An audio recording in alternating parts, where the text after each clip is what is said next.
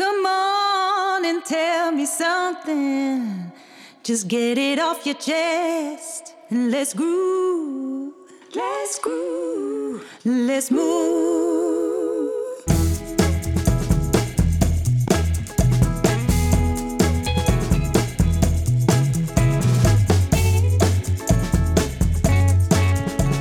Vandaag een nieuwe Clubhouse. De vraag is: is een groot team de essentiële brandstof voor een goed draaiende praktijk? Of is het een goed team of de gladiolen? En is dit werkelijk zo? Wanneer is binnen de tandartspraktijk het team de brandstof of wanneer is het team slechts een groep zorgmedewerkers? Wat kan er gebeuren als een tandartsteam slechts als een groep opereert? Dus dat de groep eigenlijk alleen maar taakgerecht is. Ehm, dat er meer in eilandjes wordt gedacht. Dat het meer wij tegen zij is. Dat, uh, en dat dat zelfs gebeurt binnen de muren van de praktijk. Ik, uh, ik, ken mezelf, ik kan mezelf een tijd herinneren in mijn eigen praktijk. Dat we een bovenetage hadden en een onderetage. En dat, uh, dat het was tegen Hully tegen Zully. Dat er altijd een animositeit was tussen de onder- en, en de bovenetage. En het vervelende vaak is ook dat in een groep worden de afspraken wel gemaakt, maar ze worden altijd heel erg moeizaam nagekomen. Een ander kenmerk is, is, is en dat, uh, dat ervaar ik soms ook aan, uh, aan, me, aan mezelf, dat de leidinggeven nemen soms een te grote verantwoordelijkheid op zich en daarmee nemen ze te veel werk op hun nek. En dan zullen de leden van de, de, van de groep, de tandersmedewerkers, vinden het eigenlijk wel lekker makkelijk en die leunen achterover. En een ander belangrijk punt is dat conflicten gewoon niet uitgesproken worden. En wanneer wordt een tandartsteam echt een team? Wanneer wordt het wel een team? Een groep wordt een team binnen zo'n tandartspraktijk als het grotere doel van de praktijk, de missie en de visie, boven de, het doel van de medewerkers afzonderlijk gesteld wordt. Het teambelang gaat dan voor het eigen belang. En het wordt gekeken naar het grotere resultaat. En iedereen heeft hier een motivatie voor. Er is een wijgevoel. Ieder staken zijn duidelijk en zijn bekend. En er is begrip voor elkaar. Er is geen sprake van eilandjes. Er is geen sprake van een bovenetage en een onderetage. En er is een, gewoon een goede samenwerking. De sfeer is goed. Men kan elkaar aanspreken. En wordt, er wordt niet meteen als iets negatiefs gezien. Er, er is gewoon veel positiviteit in de, in de praktijk. En dat voelen de patiënten ook. Er wordt door alle medewerkers wordt de verantwoordelijkheid genomen. En daar komt het woord. Er is gewoon respect en dat iedereen van het goede uitgaat. Er is het vertrouwen is gewoon een hele belangrijke basis. En als er successen worden behaald, dan is het een succes van het hele team. En meningsverschillen mogen natuurlijk bestaan, maar ze worden gewoon ook onderling opgelost. Er wordt niet meer geroddeld en er wordt niet meer een handje en achterklap gedaan. En ik moet altijd denken aan het, uh, dat in elk team, uh, elke groep tandartsmedewerkers kan er gewoon een prima functionerend team zijn of een team worden. En ik herinner me een verhaal van zo'n Amerikaans marineschip. Wat altijd, wat een beetje de, het lachertje was van de Amerikaanse marine. Altijd bij elke oefening eindigde ze onderin. En toen kwam er een nieuwe kapitein. En met hetzelfde team en alleen met een andere, uh, andere kapitein wonnen ze de eerste, de, de, de volgende drie jaren wonnen ze gewoon uh, de beker. En je kan je natuurlijk ook afvragen van met Louis van Gaal dat hij toch elke keer weer met een jong team. Als hij de lijnen uitzette en dat iedereen gewoon zich aan zijn taak hield. Dat je dan op dat moment heel ver kan komen. Zelfs Europees kampioen kan worden. Of in de finale van. Uh, als hij het Nederlands teamcoach in de, in de halve finales of finales kwam. Dus het grote verschil tussen een team en een groep is gewoon teamgeest. Daar gaat het om. Nico, uh, een, wat langere inleiding, maar jij bent aan de beurt. Welkom. Hey Ron. In mijn ogen is het dus zo dat het team is het resultaat van een lange voorbereiding. Lang is misschien niet het goede woord, maar een goede voorbereiding. De, als het daar nou aan mankeert, dan kun je daarna natuurlijk met je team uh, proberen om resultaat te bereiken. wat, is resultaat, kwaliteit, steeds terugkerend. Uh, dat, je, dat je consequent en, elke keer weer je product goed hebt. Maar wat gaat er dan vooraf? Dus ik, zie dat dus als een. Uh, ik weet niet hoe jij dat ervaart, Ron, maar. Um, toen wij groter werden, opgroeiden, Ehm, het was toch heel lang helemaal niet gebruikelijk om bijvoorbeeld een soort van droom of een ideaal of een businessplan te schrijven. Dus dat is, daar zijn we niet mee opgegroeid en ik zie het nog niet. Ik zie nog niet veel als gewoonte. dus er is geen. Stel nou dat ik ergens kom werken, krijg ik dan een mooi klein boekje in mijn handen geduwd. waarin staat: Nou, welkom dat je voor mij wil komen werken en dat je bereid bent om je ben je bereid om je echt, je ziel en je zaligheid, om, om je helemaal kapot te werken voor mij? En waarom dan? Weet je wel? Dus dat, je, en dat je zegt van, maar dan wil ik je wel even meenemen met het ideaal waar we voor staan. Waar, wat, is het, wat is de beeldvorming? En ehm, als je dat dus niet helemaal hebt voorbereid, dan sta je dus eigenlijk te dweilen met de kraan open en dat is eigenlijk niet te doen. Dus de, ik zie heel veel goedwillende medewerkers. Maar het mankeert toch wel aan uh, opleiding en training. Hè. Dus als, je, het bijvoorbeeld vergelijkt met. Uh, er is een prachtige documentaire film over uh, Giro Dreams of Susie. Ik weet niet of je die wel eens gezien hebt, Ron. Maar een medewerker daar, die. En ook, als je naar Johnny Boer gaat en je zit in het restaurant, dan zie je ook het model van een leerling die eerst maar eens gewoon nou, bij ons zou dat bij wijze van spreken de omloop zijn, hoe goed je ook bent. Dat je eerst door het hele bedrijf heen gaat. Dat je langzaam maar zeker opbouwt. En dat het eigenlijk veel langer duurt voordat je die verantwoordelijkheid hebt. Dus eigenlijk is het leerbedrijf, uh, zie ik niet helemaal goed terug in de structuur van, de, mm, van het bedrijf. Het is, het is continu zo dat er iemand weggaat en dat je geen uh, opvolgers hebt. Er zitten geen mensen op de reservebank.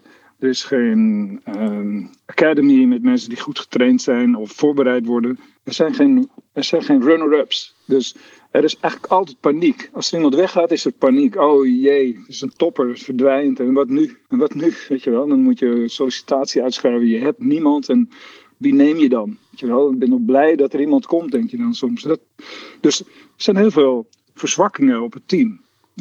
Dat is even mijn eerste stelling, Ron. Wat vind jij ervan? Wat denk jij erover? Nou, dat ben ik wel met je eens. Het is eigenlijk. Uh, het, het grappige is, hè, als je over een. Uh, eigenlijk werken groepen of teams werken eigenlijk het best als ze tussen de vijf en acht mensen zijn.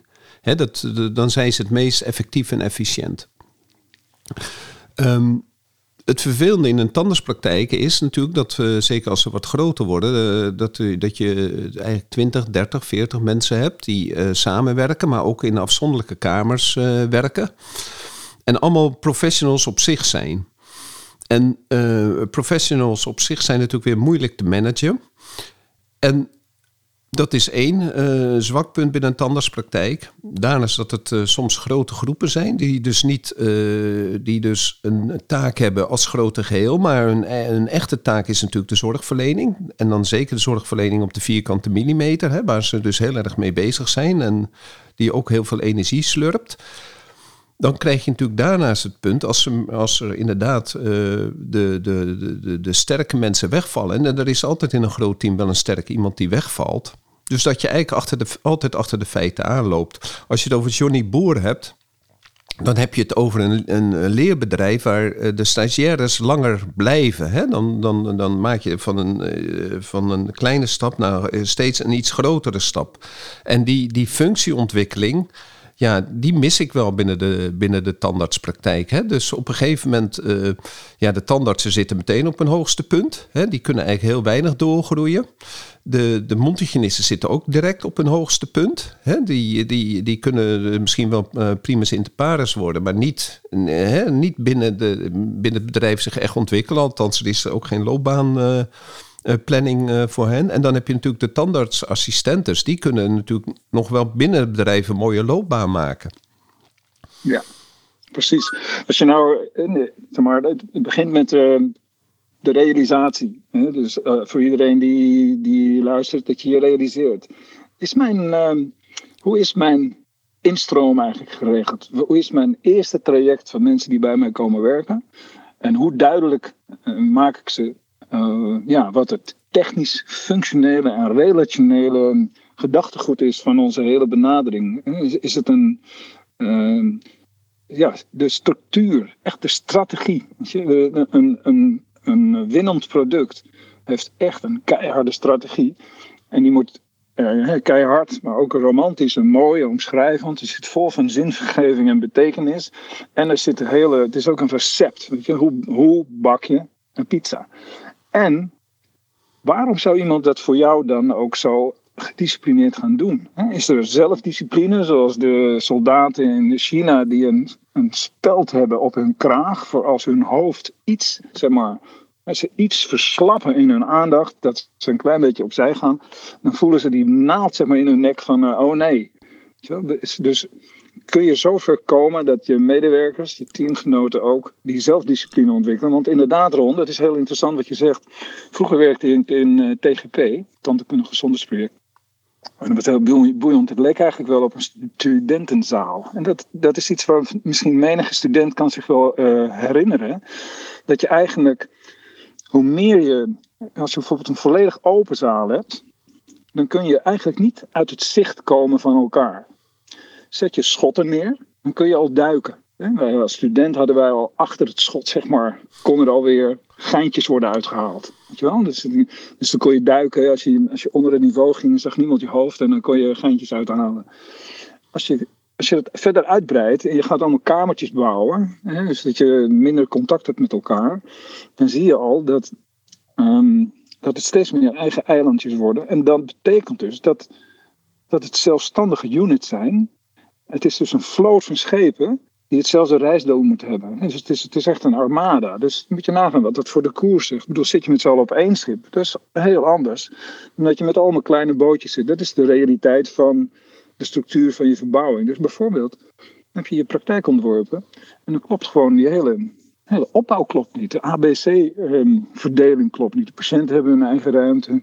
Je, je hebt de behandelkamers hebt, en, je hebt een kern waar je met elkaar kunt communiceren als, alsof die, die kleine kamers toch weer als een één schip voelen. Dus als je de communicatie ook niet hardwareachtig goed geregeld hebt, krijg je steeds weer hetzelfde probleem. Je moet maar blijven instrueren, inspireren, corrigeren, coachen. Dus, dus, dus even meenemen, hè? dus je hebt een droom en een ideaal, je bouwt een pand. We hebben al menige menige tandarts die we hebben begeleid uh, in onze programma's, in onze masterclasses is dat ze hun verbouwing totaal verkeerd om neer hebben gezet, waardoor er eigenlijk al vanaf het begin chaos is. Alleen al door de structuur van het huis, het pand. Dan denk je, krijg ik geen rust in?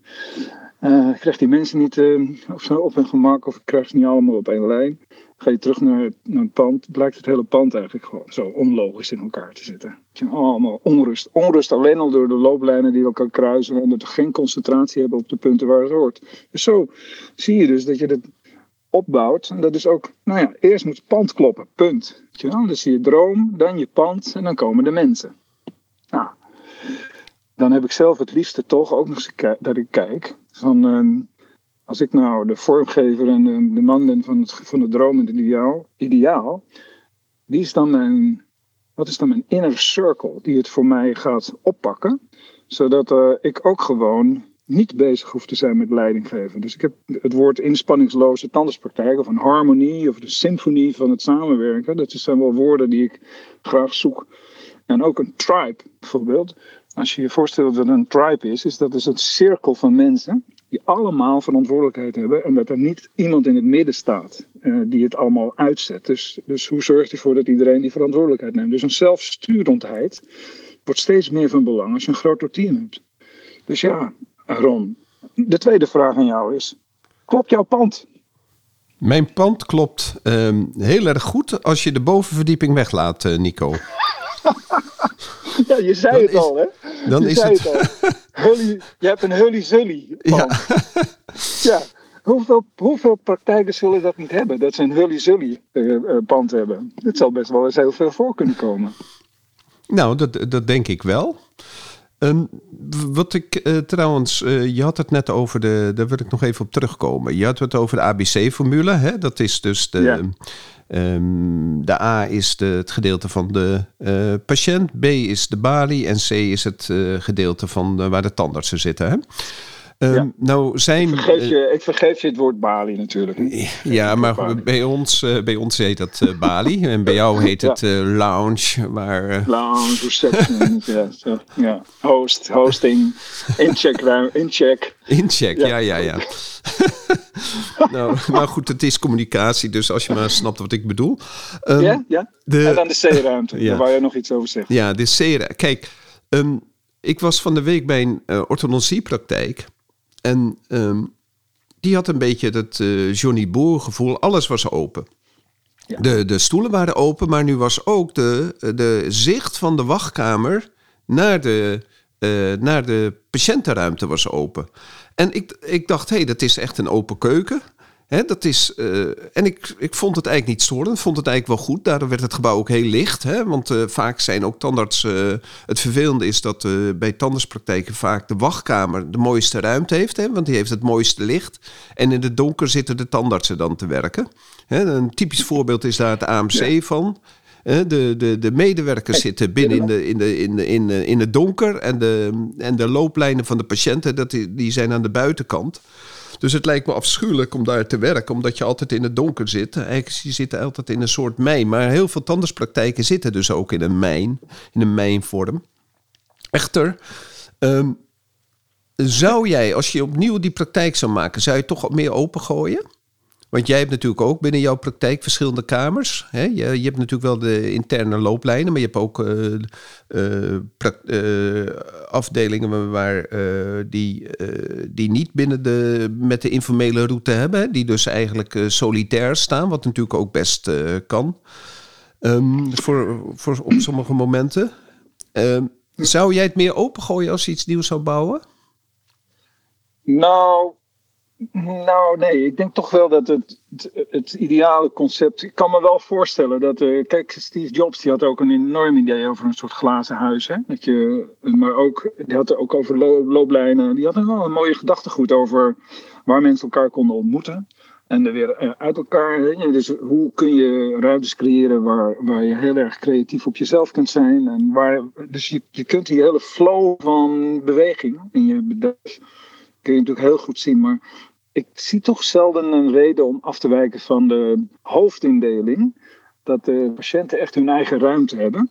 Kijk, ik had bijvoorbeeld een keer een, een tandarts uh, begeleid. En die had een, echt een prachtig, nou ik denk een van de mooiste, mooiste praktijken in Nederland. Als het gaat om een kindertandheelkunde.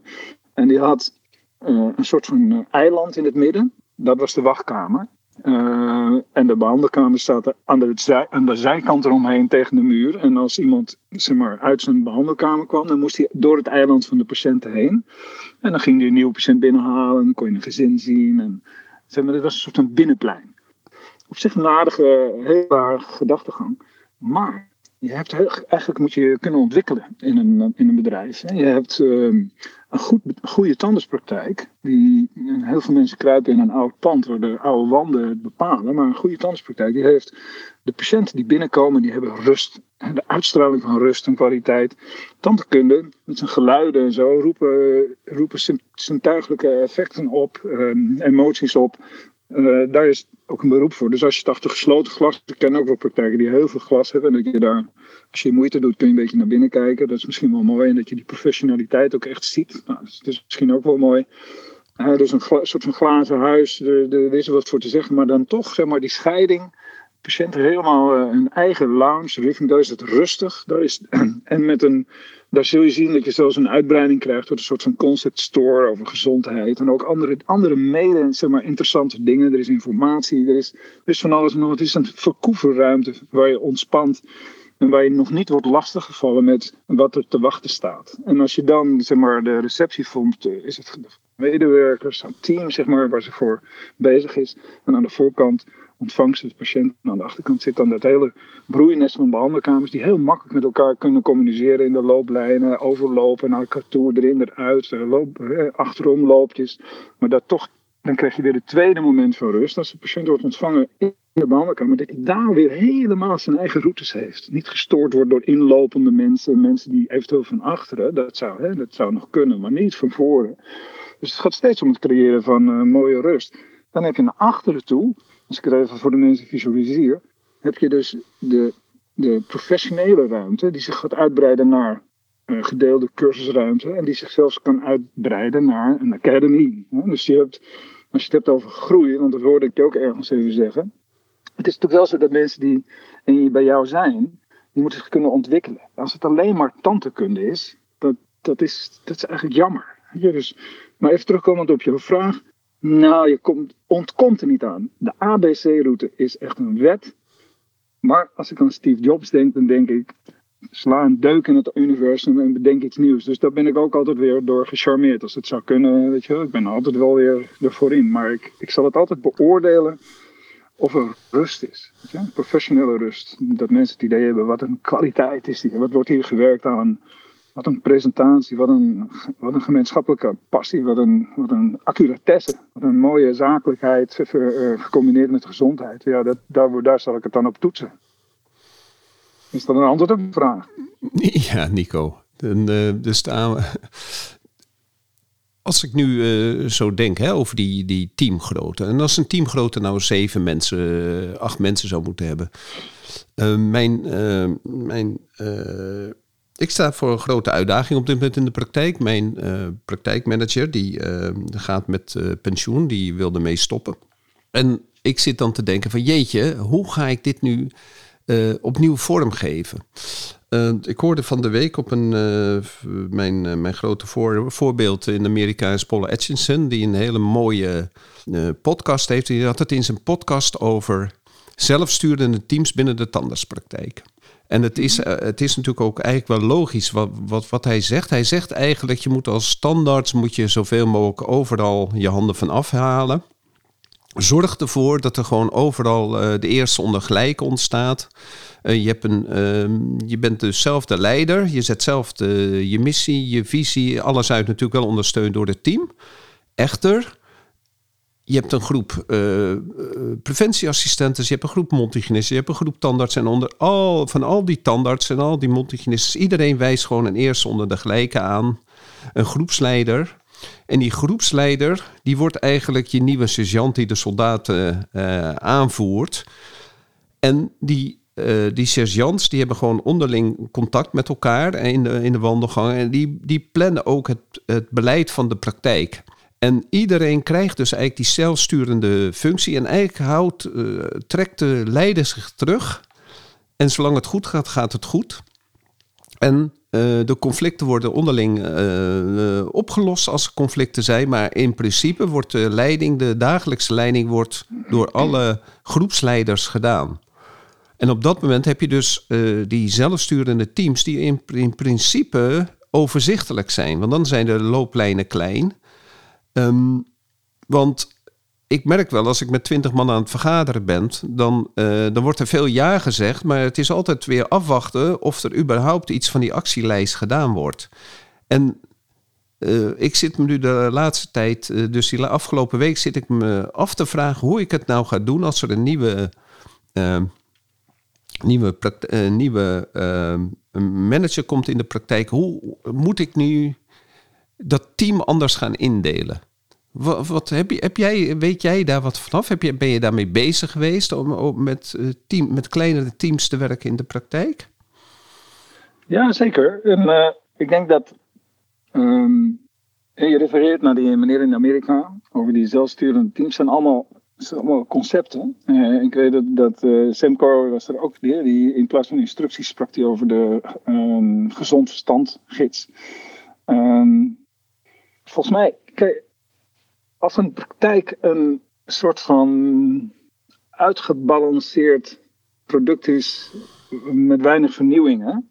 Uh, en als het ook niet, niet zo heel moeilijk is om een topproduct neer te zetten, dan uh, is het steeds makkelijker om kleine individuen, uh, om, om subleiders aan te wijzen. En die gaan het allemaal weer zorgen. En, maar ik heb toch het idee, als ik nou bijvoorbeeld kijk naar ehm, Michael Jordan, die The Last Dance hoeveel er uit die eventjes die groepsmomenten voor de wedstrijd wordt gehaald.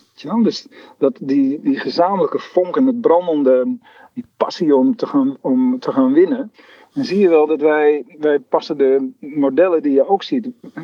Je moet een beetje kijken hoe zien wij onszelf. Is het een beetje door in je kamertje lekker bezig zijn? Of is het met elkaar, zeg maar, één groot doel zien te halen bij die ene patiënt. En ik geloof dat, dat het dan toch zo is dat je meer um, on the job, zeg maar, in de dag zelf.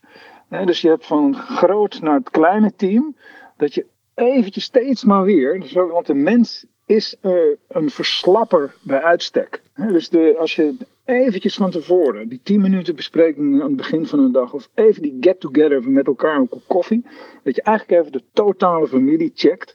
Of er nou 8 of 30 zijn. Dus er zit een grens aan wat prettig werkt, denk ik. 35 op zijn hoogst. En dan moet je maar eens kijken of je niet eens tijd is voor een tweede locatie. Maar als je gewoon even je realiseert dat er, hebt een raamwerk. Uh, maar je moet het in de dag zelf moet je het ook doen dus ik, ik heb zelf het volgende model. Ik zal je mijn model vertellen. Want ik vind die zelfsturing ben ik wel, ben, ben er wel uh, op, op ingesteld. Maar ik vind dus, om te beginnen, moet een praktijk een soort magnetische um, koers hebben. Dus de, why, de how en de what, zoals Simon Sinek dat heeft gedefinieerd, goed bepaald is. Daar gaan we nu niet, niet weer opnieuw op in, want dat hebben we al eens eerder besproken. Maar zoek een filmpje van Simon Sinek en kijk naar de Golden Circle. En laat je inspireren door alle grote der aarde, hun bedrijven. Hoe die uiteindelijk de why, de how en de what, de, waarom iets doet. Dus je hebt een mooi, helder, kristalhelder doel. En er is een, er is een vereiste kennis en vaardigheid uh, nodig. En en er wordt immer druk gevoeld om te presteren. En je weet, je realiseert je, inspanning van elk 10 minuten is nodig. Maar dan, ga je dan allemaal in allemaal van to-do'tjes zitten? Of zeg je van, nou, ik zet eerst eens een aantal, die, die why, die houden wat, die zet ik uit, uit elkaar in een aantal waarden, zeg maar. Dus bijvoorbeeld uh, klantvriendelijkheid, een topproduct, een relationele goede benadering, gezondheid, vraagstellen, coachen, weet je wel, coachen van de patiënt. Als dat nou waarden zijn, dan kun je een actief medium, zeg maar, je, je actieve interacties en stappen, die kun je per waarde inrichten. Maar als je waarden die bedienen helder en krachtig te zijn en die, die beschermen het gebied. En zo heb ik geleerd dat als je, je kunt heel erg bezig zijn met um, die bovenkant, de, de why, how en de what. Je kunt de waarden neerzetten. Maar wat ook bijzonder goed werkt, is een do's en don'ts lijstje. In plaats van hele grote klappers kun je op één kaartje kun je 20 do's en don'ts opschrijven. Zoiets als van, je zult geen uh, tongpiercing hebben, je hebt, je je lage nagels geknipt. Je gaat niet de deur uit als je een conflict is. Uh, kritiek of feedback geef je elkaar op de dag zelf, maar dat doe je met volle respect. Je communiceert uh, door, weet je wel, je communicatie, de woorden die je spreekt fysiologie je lichaamstaal die komen overeen en zo. Dan zie je dus dat er een enorme. Ja, er wordt eigenlijk op het communicatiedeel ook nog heel veel van elkaar verlangd. Maar het is best leuk. En laat het maar eens door je team zelf doen. En een leuke, leuke instructie voor iedereen die luistert. Laat ze zelf eens een do's en don'ts lijst maken voor de praktijk. Heel veel tandartsen vragen aan mij dan, heb je van mij die lijst van die 25 punten? Nee, het is even een het is een proces om het zelf te doen. Kijk nou eens wat er gebeurt als ze het zelf opstellen. Moet je eens kijken hoe hard ze zijn over wat ze wel en niet vinden dat nodig is. En hoe ze omgaan met de, de, de, de, de duidelijkheid die ze creëren met elkaar.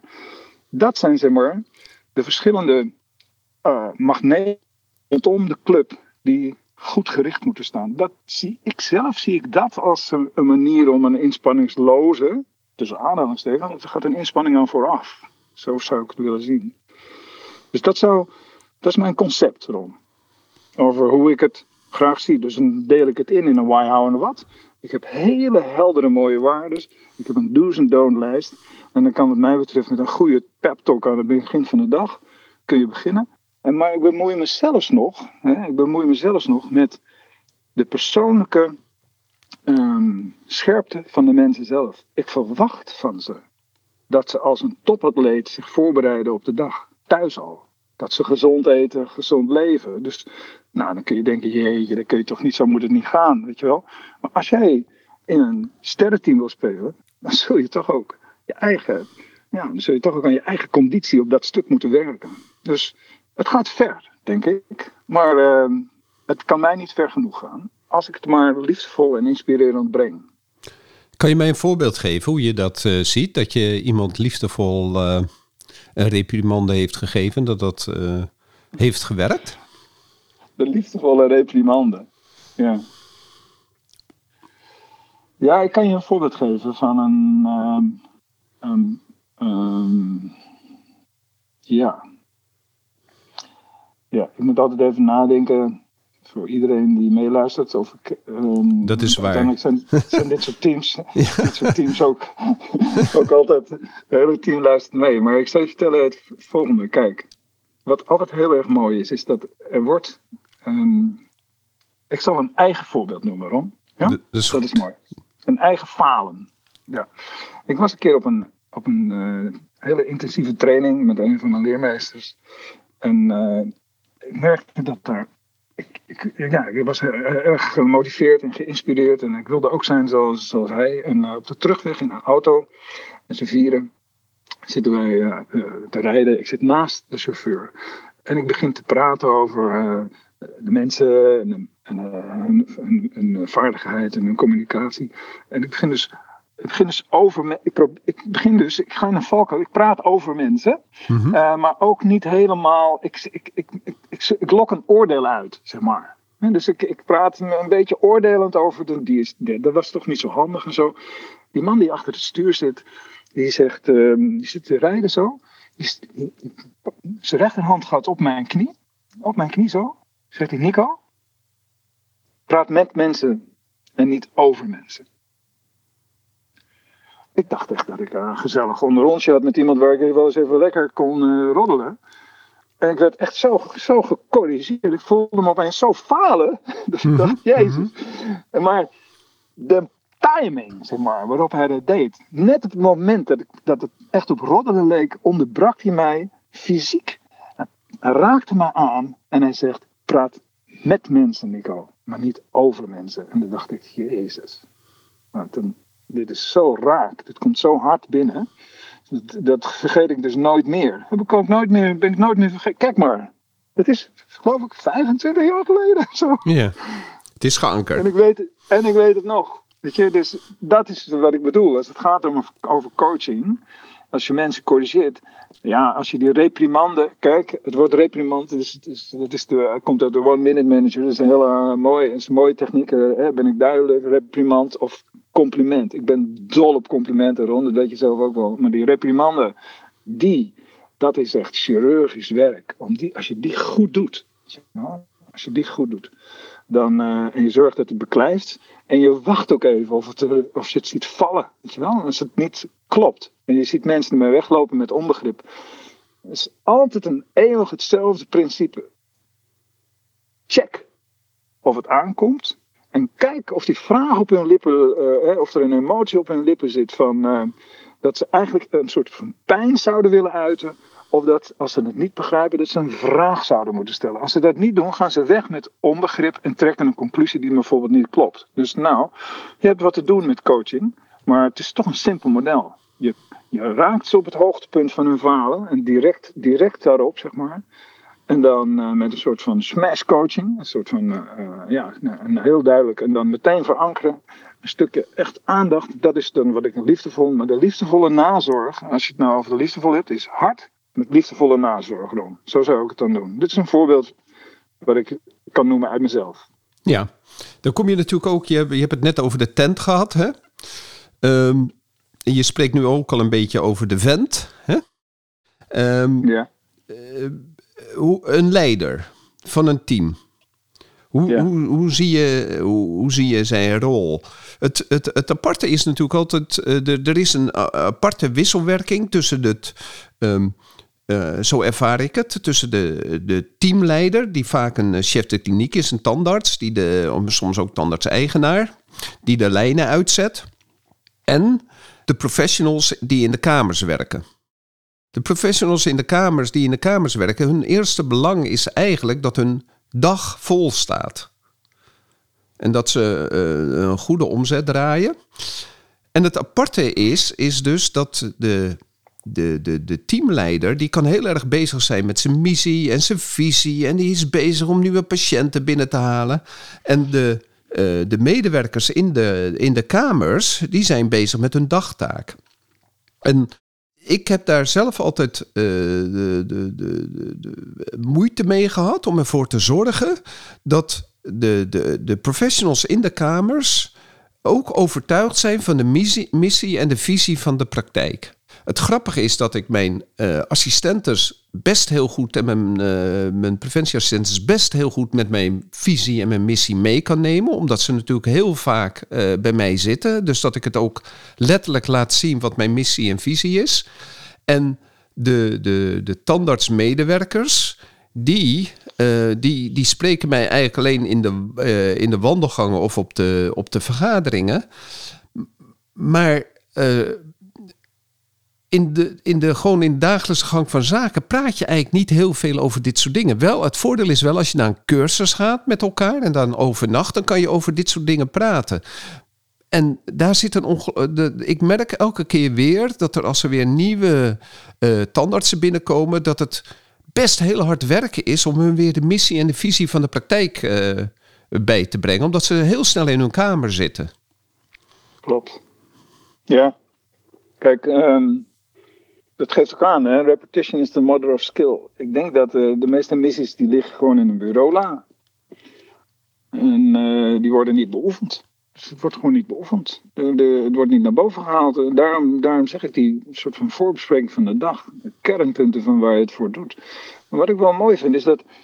Kijk, jij zei eerder eventjes. Ik zit op een keerpunt of een kantelpunt. Mijn manager gaat weg. En het is tijd voor een nieuwe de meeste tandartspraktijken, en dan moet ik, hier moet ik ook in mijn eigen praktijk, het is gewoon de waarheid. Maar ik hou van alle mensen die ik heb. Maar ook mijn managers, die zijn uh, omhoog gekomen uit de functies van bijvoorbeeld de, de receptie. In plaats van dat ze omlaag zijn gekomen vanuit een echte managementfunctie. Dus de, van buitenaf. Dus ik ben wel een voorstander van dat ik, en uh, ik, ik, weet dat ik nu, dit is kwetsbaar. Daarom op het moment dat ik weer iemand bij me wil houden die, die door kan groeien, uh, dan plaats ik ze soms op een rol. Bijvoorbeeld, waarbij, die, ik, die ik heel erg um, waardeerde bij de receptie.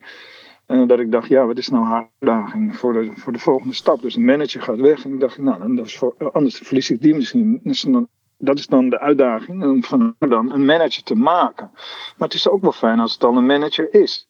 Dus je hebt eigenlijk de, heel veel tandspraktijken die, die doen het met mensen die niet uit het managementvak ehm, um, komen.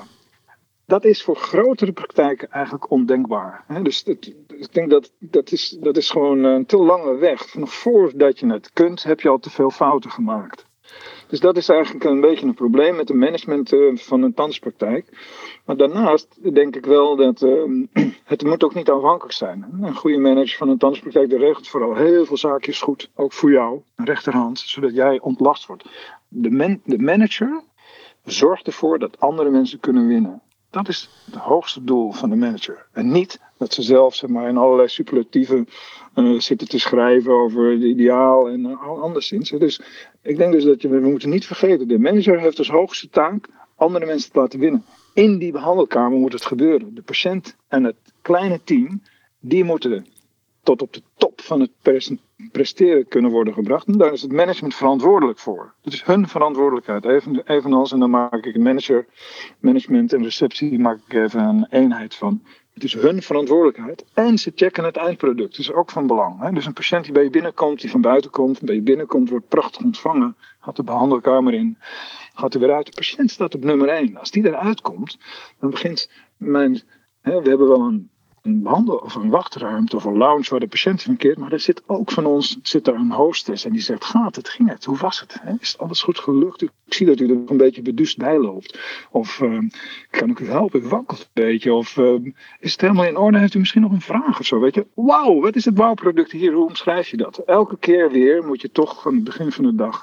Farming the memory bank. Je zult het moeten blijven repeteren. En dan als laatste, wat ik zelf toch wel het prettigste vind, als we goed delegeren, dat zie je ook veel. Hè? Dus, weet je, veel dingetjes kunnen je ook uit handen worden genomen, waardoor je wat meer bewegelijkheid hebt.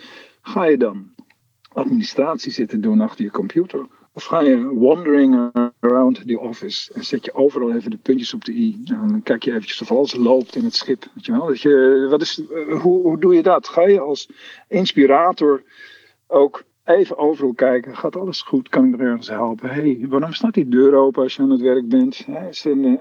laatst van gisteren zei ook iemand. Weet je wat ik toch wel vervelend vind? Is dat mensen zo makkelijk bij mij binnenkomen. Even een vraag stellen. Dat ik denk: hé hey joh, ik zit hier met een patiënt. En die is het allerbelangrijkste. Jij breekt zomaar in. Je weet toch niet waar ik mee bezig ben. En dan zeg ik tegen zo iemand. Op dat moment hoef je maar één keer tegen zo iemand te zeggen. Zou je dat in vervolgens, zou dat nooit meer willen doen, zomaar binnenkomen, zonder dat ik dat wil? Omdat wij zijn hier heel erg bezig. Dat hoef je niet in het aangezicht van de patiënt te doen, maar wel direct erop. Ook zij moeten leren om hun plek te bewaken. Ik vind dat de medewerkers, eh, de teamleden, laten enorm veel zeg maar, hun plek weglopen. Eigenlijk. Dus wij kunnen het niet allemaal beschermen. Dat moeten ze zelf ook doen. Dus de eigen protectie is ook van belang. Dus coachen, gecoacht worden, zelf weer coachen. En gewoon feedback en complimenten aan elkaar. Het zijn, het zijn toch de motoren die het moeten doen. Dat is de olie. Er wordt te weinig gedaan. Wordt te weinig gedaan. Veel te weinig. Veel te weinig. De directe de directe correctie op de dag zelf. Elke keer als het er vanaf afwijkt, even elkaar helpen herinneren. Zo doen we dit hier. Ja, die, die, die morning hurdle, hè, waar je het net over had, hè, dat, dat, dat is een. Eh, doe je dat uh, met het. Uh, ik doe het met mijn kleine team. Hè, met, met, met de kamers wie ik op dat moment samenwerk. Maar ik doe het niet met de hele praktijk. Doe jij het wel met de hele praktijk? Uh, roep jij je endodontoloog erbij en dan jongens, vandaag is onze wekelijkse, in ieder geval onze wekelijkse hurdle. we gaan beginnen. En, of doe je dat alleen met je eigen groep? Dus je eigen directe ik het, groep? Ik doe het, zeg maar, als alles, als alles goed staat, uh, als, het slecht, als het slechter loopt, moet je ingrijpen, moet je meer naar de grote groep toe. Als alle zeiltjes goed lopen, doe je het in de kleine groep, maar ga je wel zelf rond om te inspireren en te checken. Zeg maar. Ik check, het is geen, uh, jij hebt het over boven- en beneden etage, maar ik kan heel erg goed lezen en kijken hoe, iedereen, hoe de vlag ervoor staat. Maar ik ben het wel met je eens. Kijk, ik spreek ook in de vorm van idealen. Maar tegenwoordig heb je wel hulpmiddelen die je vroeger niet had. Een uh, gave WhatsApp uh, op de werkgroep. Even s'morgens in dental rules aangeven. Van jongens, maak er een mooie dag van. En but don't forget this, weet. Je kunt natuurlijk ook gewoon het, medium gebruiken of een mooie ingesproken tekst of wat dan ook. Er zijn, ik vind wel dat er, er is meer mogelijk. Dus net zo goed als dat ik bijvoorbeeld, kijk nu, we hebben nu, we maken een podcast. Uh, of tenminste, we, doen deze clubhouse, maar die wordt, hij wordt opgenomen, dat weten mensen ook. En die, dat zijn allemaal dingen, weet je, het moet een beetje, ik hou er wel van dat dingen heel makkelijk vanzelf gaan. Dus als er goed materiaal is, dan schuif ik dat erin. Zeg, jongens, hier is een nieuwe podcast en uh, luister eens naar, stel mij vragen. Dus ik ben niet een grote vergadertijger. Dus eigenlijk die kleine momentjes op de dag zelf, die zijn wel het meest belangrijk. Maar nee, ik doe het niet met de hele groep, want daar heb ik, daar heb ik dan toevallig toch niet. Uh, de structuur en de, daar is mijn pand weer niet geschikt. Kijk, zie je, daar gaat het weer. Mijn pand is daar niet geschikt voor. Ook ik heb een pand die, uh, die ik uh, inmiddels alweer in 1986 of zo verbouwd heb. ja, af en toe moet je het ook wel weer eens vernieuwen, denk ik. Dus het, het, maar wel interessant dat je die vraag stelt eerlijk gezegd moet ik zeggen, nee, ik doe niet de grote groep, maar ik, zit, ik ben wel een inspirator op de app en zo. Ja. Oké. Eigenlijk nog één, eh, één ding. ik heb ook nog één ding, hè? Dus jij hebt één ding, heb ik, ik, ik heb, ook nog één nee, ding. ik heb één ding. Wat uh, doe je, en ik zag, wat doe je met de medewerkers die gewoon als uh, patiënt zijn, uh, bin, als patiënt zijn binnengekomen. Of sorry, ik word even afgeleid. Wat, wat doe je met de mensen die als, gewoon als assistenten zijn binnengekomen en op een gegeven moment um, diva-aspiraties krijgen? Dat die op een gegeven moment eigenlijk ja. zich meer gaan voelen dan anderen. Want je bent heel blij met diegene. En je vindt het fantastisch. En je weet dat ze ongelooflijk veel werk uit de handen neemt voor je. Ze denkt hetzelfde als jij. Maar je merkt dat ze een beetje een boeman wordt voor de rest van het team. En dat is een beetje het, wat je ook wel in de, de, de, de, de sport ziet. Hè? Je had begon met Michael Jordan als basketballer. Die was natuurlijk degene die ervoor zorgde dat de lijnen werden, uit, uh, uh, de lijnen werden uitgezet. En uh, die zorgde er ook voor wie de klappen kreeg en wie de, wie de duimpjes omhoog kreeg. Um, wanneer is iemand een diva en wanneer mag je iemand als verdette zien? He, er is een, een, verschil van, want ik zie mezelf wel als verdette, maar ik hoop mezelf niet als diva te zien. He? Dus de, de, um, want die verdettes heb je wel nodig in de praktijk. Hoe, hoe ga jij daarmee om als je dat merkt? Nou, kijk, weet je, ik heb ik, ehm, een diva, dat is, maar ik voel een beetje, een diva, dat is een klein beetje hooggevallen. Hè? Die voelt zichzelf beter dan de rest of zo. En ehm, ik zie het volgende model.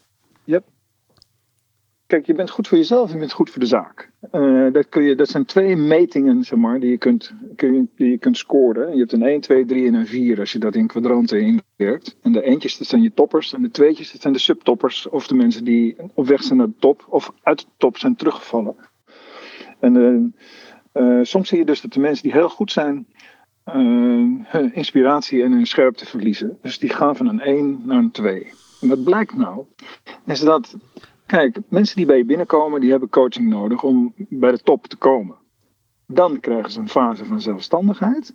En dan krijgen ze weer een fase van correctie en coaching. Dat is iets wat wordt vergeten. Dus die diva die ontstaat in die derde fase, zul je zien, is dat, ze, dat hun groei uh, en uitdaging begint af te nemen. En dat ze eigenlijk uh, tijd krijgen voor spelletjes. Ja, zo zeg ik het maar. Dat is dan de diva, zeg maar. Maar ook, net zo goed kan het zo zijn dat de mensen die ontzettend goed zijn, toch de uitdaging gaan missen. Kijk, ik zei uh, van de week, ik had een business boost retraite met tandartsen. En ik zei, als je kennis en je kunde je dagelijks praktiseren overstijgt, zeg maar. Dus dat je met veel meer capaciteiten zit dan wat je dagelijks kwijt kunt. Dan moet je daar eens even goed over nadenken. In mijn ogen is het dan tijd voor een academy of zo. Of voor dat die mensen, andere mensen, echt gaan begeleiden en coachen. In plaats van dat ze de diva zijn. Dat ze dus andere mensen onder zich krijgen of naast zich krijgen. Zodat ze, dat zij bijvoorbeeld een functie krijgen om naast het functioneren. Want ze, ze doen eigenlijk doen ze een functie op hun 11 en 30. Hè, dat doen ze op hun professionaliteit. Het gaat allemaal zo makkelijk. Hè. Michael Jordan ook, jongen. Vanuit elke hoek.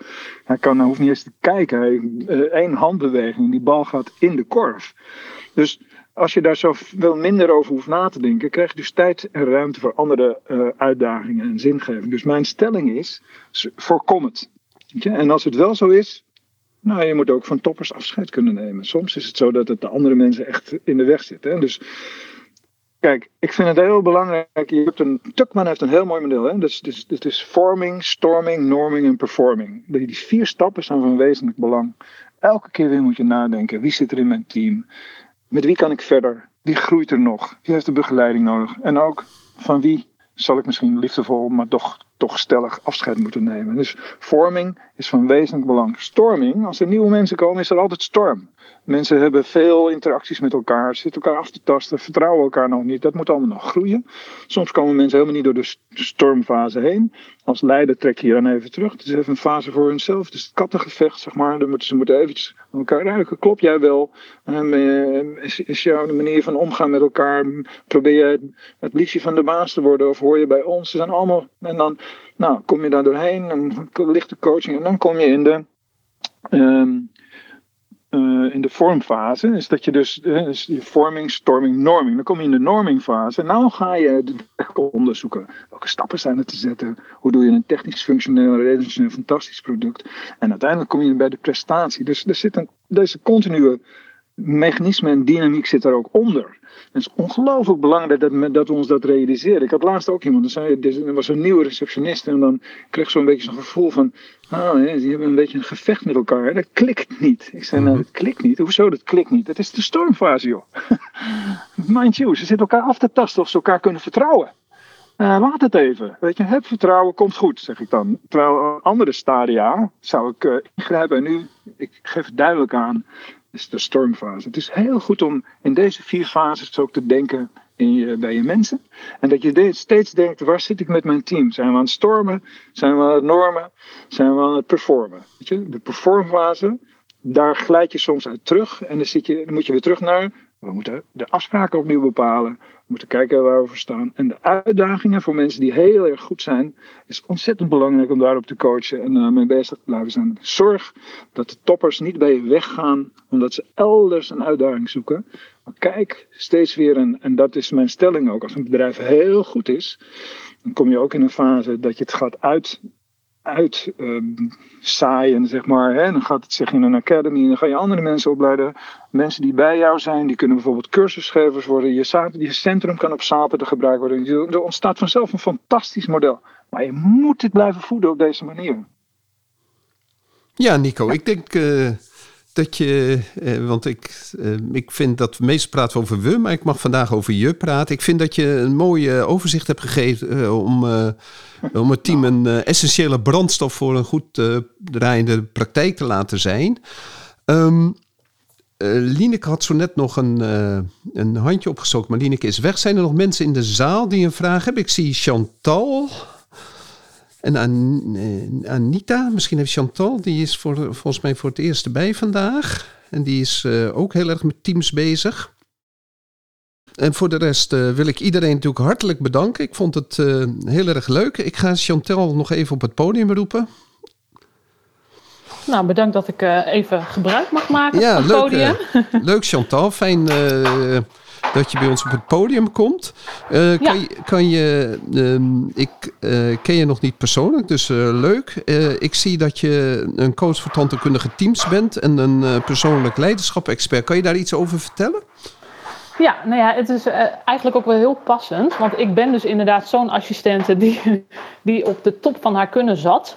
En dus elders mijn, mijn uitdaging ben gaan zoeken. Dus um, wat Nico vertelde nou ja, dat, dat klopt precies. Ehm, dus dat vond ik erg leuk. Ik heb, ben dus op een gegeven moment mijn uh, coachopleiding echt begonnen. En een tijdje ehm, in het algemene wereld, dus uh, voor de werkende moeders, ben ik gaan, uh, gaan coachen. En ehm, ik merkte dat ik toch wel heel erg de tandheelkunde mis. Maar ik zou niet snel meer als assistent aan het werk gaan. Dus ik ben op een gegeven moment een combinatie gaan maken. Dus van mijn ervaring in de tandheelkunde en, uh, en met mijn, uh, mijn opleiding als coach. En uh, daarin dus ook echt wel heel erg het belang zien van uh, ook de individuele spelers. Dus inderdaad, rond wat jij al zei, van, je, hebt, je hebt teams die, ehm, die zitten in hun eigen kamer, maar die moeten ook niet vergeten worden. He, dus ook een assistent niet en ook een tandarts niet. En hoe kun je ze op het allerbeste laten samenwerken zodat het een kracht is in plaats van een valkuil. Dus daar ga ik dan heel erg mee aan de gang zijn. Nou, je gaf op een gegeven moment ook al aan, uh, volgens mij was Nico dat. Van geef zelf ook de grenzen aan als, uh, hè, als uh, iemand zo binnenkomt lopen. Ehm, dus, dus mensen zijn ook wel, vind ik heel belangrijk, dat ze hun eigen verantwoording pakken. En dus niet altijd alles maar bij het management neerleggen. Van dat is het management, dus zij moeten het regelen. Dus ik ga graag met teams aan de gang om dat gesprek open te gooien. Om te kijken van, nou ja, weet je, maar wat kun je dan zelf doen om een uh, positieve bijdrage te zijn? Um, als jullie wat op de achtergrond horen, sorry ervoor, maar... Dat is jouw team, toch? dit maar, nou, ik weet niet of dit mijn uh, team is waar ik mee uh, mijn recensie zou willen vullen. maar uh, nee, dus, dus daar, uh, daar word ik heel erg blij van. Om, om te zorgen dat uh, tandheelkundige teams eigenlijk het beste bij elkaar naar boven kunnen halen. En heel eerlijk ook het gesprek met elkaar aan kunnen gaan. Dus ehm, ik, ik ga een conflict niet uit de weg, maar je moet wel vanuit vertrouwen en vanuit respect moet hij gaan. Dus dat is een beetje over mij. Prima, dankjewel. Had je, um, um, was er nog iets verder specifieks opgevallen dat je dacht van... hé, hey, daar heb ik een voorbeeld van. want Nico heeft heel veel kleine voorbeelden en grote voorbeelden gegeven. Ja. Heb je uit de praktijk nog iets dat je denkt... oh ja, dat klopt. Uh, dat is inderdaad iets uh, dat ik die, op die en die uh, manier zo heb opgelost? Nou, het is wat hij zei van die missie en visie... dat is inderdaad een kaartje dat in de bovenste la ligt. En dat zie je ook gewoon in heel veel praktijken. Um, dat zijn hele mooie woorden gevormd op een papiertje en daar blijven ze ook. En dat wordt een keer benoemd en dat wordt zo van, hey, dat is wat wij willen uitdragen, maar het wordt niet um, de praktijk ademt het niet uit. Uiteindelijk ook het management niet. Want als je echt gaat vragen, je moet eigenlijk op iemand aan kunnen lopen en zeggen van wat is je missie en wat is je visie? Die, die hoort eigenlijk het hele team ook ja, te ademen en te weten. En op het moment dat dat dus niet gebeurt, doordat hij in dat bovenste laadje blijft liggen, mis je dus ook een kans. Um, en dan is het dus wel, vind ik het belangrijk, dat het management dat blijft uitdragen. Het blijft motiveren. Maar ook gewoon eens een keer de discussie aangaat. van wat vind jij ervan?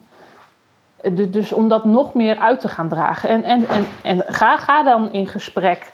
Laat maar eens horen van, goh, wat, wat vind jij dan en waarom vind je het niet? Dus dat het nog meer een teamdoel wordt. Alright, dankjewel Chantal. Graag gedaan.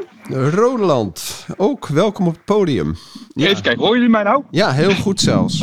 oh, dat... je, je, zit, je zit ergens uh, bij een betonmolen, uh, denk ik. Nou, ik was aan doen wat Nico zei dat we moeten doen. Dat je ook voor je gezondheid moet aan je gezondheid moet werken. Dus ik ben het aan het doen tijdens een rondje redden. Dus, dus ik ben een beetje buiten adem. Maar weer heel inspirerend, Nico, je verhaal.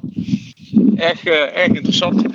Ehm, ja, ik was even aan het zoeken hoe ik erin kom. Want ja, goed, ik ben nog een beetje nieuw hier met het medium.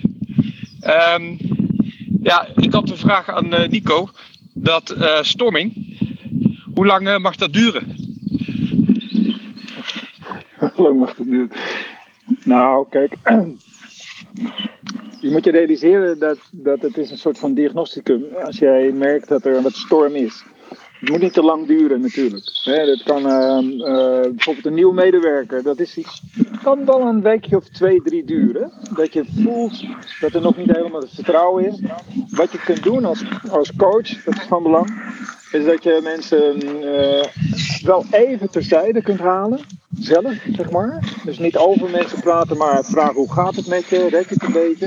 En dat je ze dan weer in de arena terugplaatst. Uh, het moet niet te lang duren. Het moet niet te kort duren, maar het kan zomaar twee, drie weken duren als het bijvoorbeeld om een nieuwe medewerker gaat. Maar het kan ook zijn dat er even storm is. Hè? Dat je zegt, uh, het kan dus wel zijn, je kunt ook regelmatig terugvallen in de stormfase. En je moet je realiseren, als een praktijk in de stormfase zit, wordt er niet gepresteerd.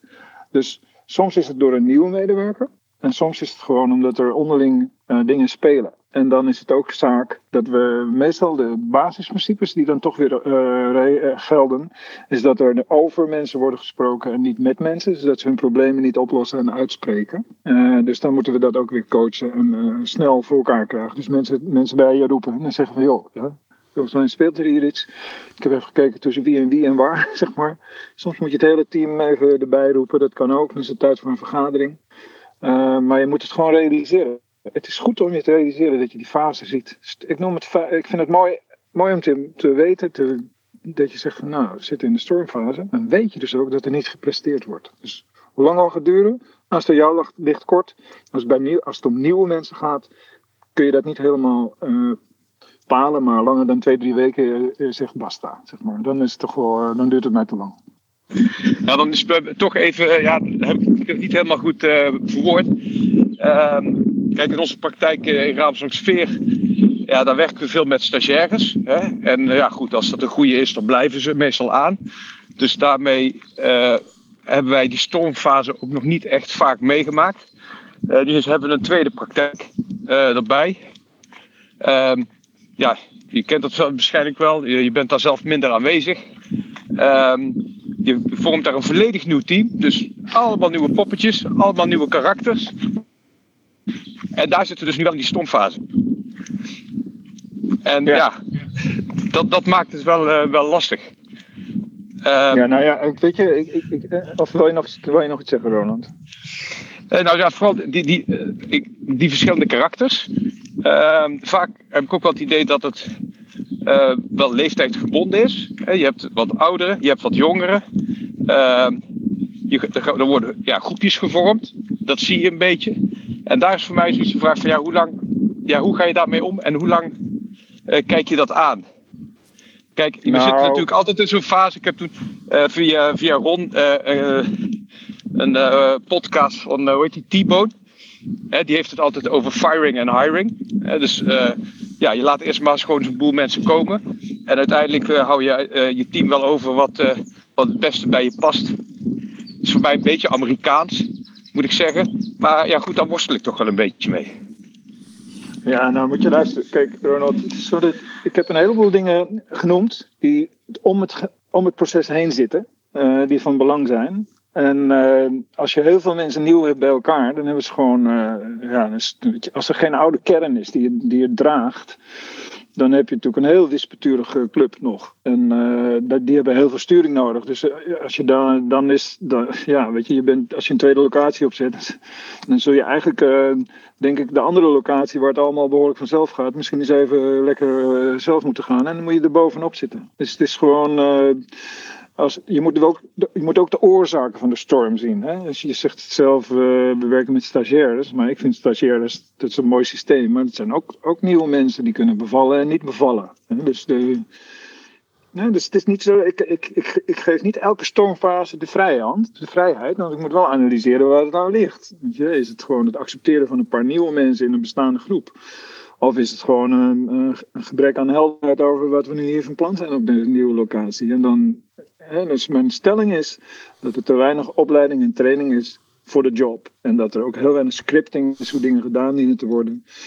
Er eigenlijk helemaal geen volwassenheid is over hoe mensen met elkaar communiceren in de vorm van uh, opbouwende kritiek en uh, complimenten. Dus er is een hoop werk te doen met een nieuw team. Uh, voordat, je, voordat Ajax een uh, club, moet je kijken hoe lang het duurt voordat ze echt een wedstrijd maar in het eerste team mogen spelen. Dus ik denk dat het ja, wat, ja? wat we nu voornemens zijn te doen vanaf volgende week, is dat we stuk voor stuk ook wat mensen naar onze andere praktijk halen. En ze daar meer training geven en eens kijken hoe ze daar functioneren. Ja, nou ja, sterker nog, ik denk dat, ehm, dat je waarschijnlijk de nieuwe club, zeg maar, de nieuwe tent, misschien wel door een paar van je rouniers uit het oude centrum, ook als nieuwe uitdaging moet laten draaien. Met een paar, en, en, dat, je, dat je het misschien eens om moet draaien, weet je wel. Daar kun je wel een paar mensen missen. En op de andere plek, daar moet je ze eigenlijk neerzetten. Dus hoe zou het zijn als je die toppers gewoon neerzet in de, in de nieuwe wijk en zij een mooie verantwoordelijkheid krijgen om daar echt, iets helemaal goed neer te zetten. Nou, dat zijn zo even een paar van die gedachten, maar ik denk dat uh, het is nu 9:35 uur we moeten gaan afronden. Maar zo, ik zou mijn idee zou zijn: draai het eens om. Draai het eens om. Ja, Nico, daar kan ik ook wel mee eens zijn. Dat, uh, om dat te doen. En het blijft, uh, wat ik altijd uh, Mario de pizzabakker noemt. Uh, Mario maakt hele mooie pizza's in zijn ene restaurant. En een dorp verder gaat hij nieuwe pizza beginnen, pizzeria beginnen. Ja, en dan komt Mario in de grote problemen, want het recept is wel hetzelfde. Maar de, de toevoegende factor die, die het restaurant zo leuk maken, die zijn er niet. En dat mis je op dit moment. Het komt wel, maar het is, je, het is gewoon de pioniersfase ben je, ben je weer begonnen in, het nieuwe, in de nieuwe setting. En je bent bent in de, in de andere setting ben je gewoon met uh, professionalisering bezig. En uh, ja, je begint opnieuw. Dus het is leuk, een leuke uitdaging. Dat is, de, dat is het probleem van elke keten. Je hebt ook mooi omschreven in een van je podcasts, van je laatste podcast, Ron. Daar had je het inderdaad ook over die Mario. Het was zo verschrikkelijk herkenbaar. Van ja, dit is, dit is precies waar we, waar we nu zitten, zeg maar. Ja, maar er komt altijd licht aan de horizon. Dat is heel goed. Um, ik wil het afsluiten Nogmaals, dankjewel. Uh, dank voor je inbreng, uh, Roland en Chantal. Nico, hartelijk bedankt. je was vandaag weer meester. En ehm, ik wil voor alle toehoorders wil ik, bekendmaken dat vandaag de nieuwe podcast met gast Nico Bezuur van het Tandartsmeesterschap uh, podcast uh, uitgekomen is. Dus uh, ik heb hem net weer geluisterd en ik moest ontzettend erom lachen. Dus het is echt een hele leuke podcast, al zeg ik het zelf. volgende week een nieuwe, een nieuwe Clubhouse, Nico. Ja. Om dezelfde tijd, half negen. Nou, allemaal hartelijk bedankt. En allemaal een heel fijn weekend. En een zalig Pasen. Huh? Ja, dankjewel ook Ron voor jouw mooie interacties. Oké, okay, hoi. Gaat jullie allemaal goed? Hoi.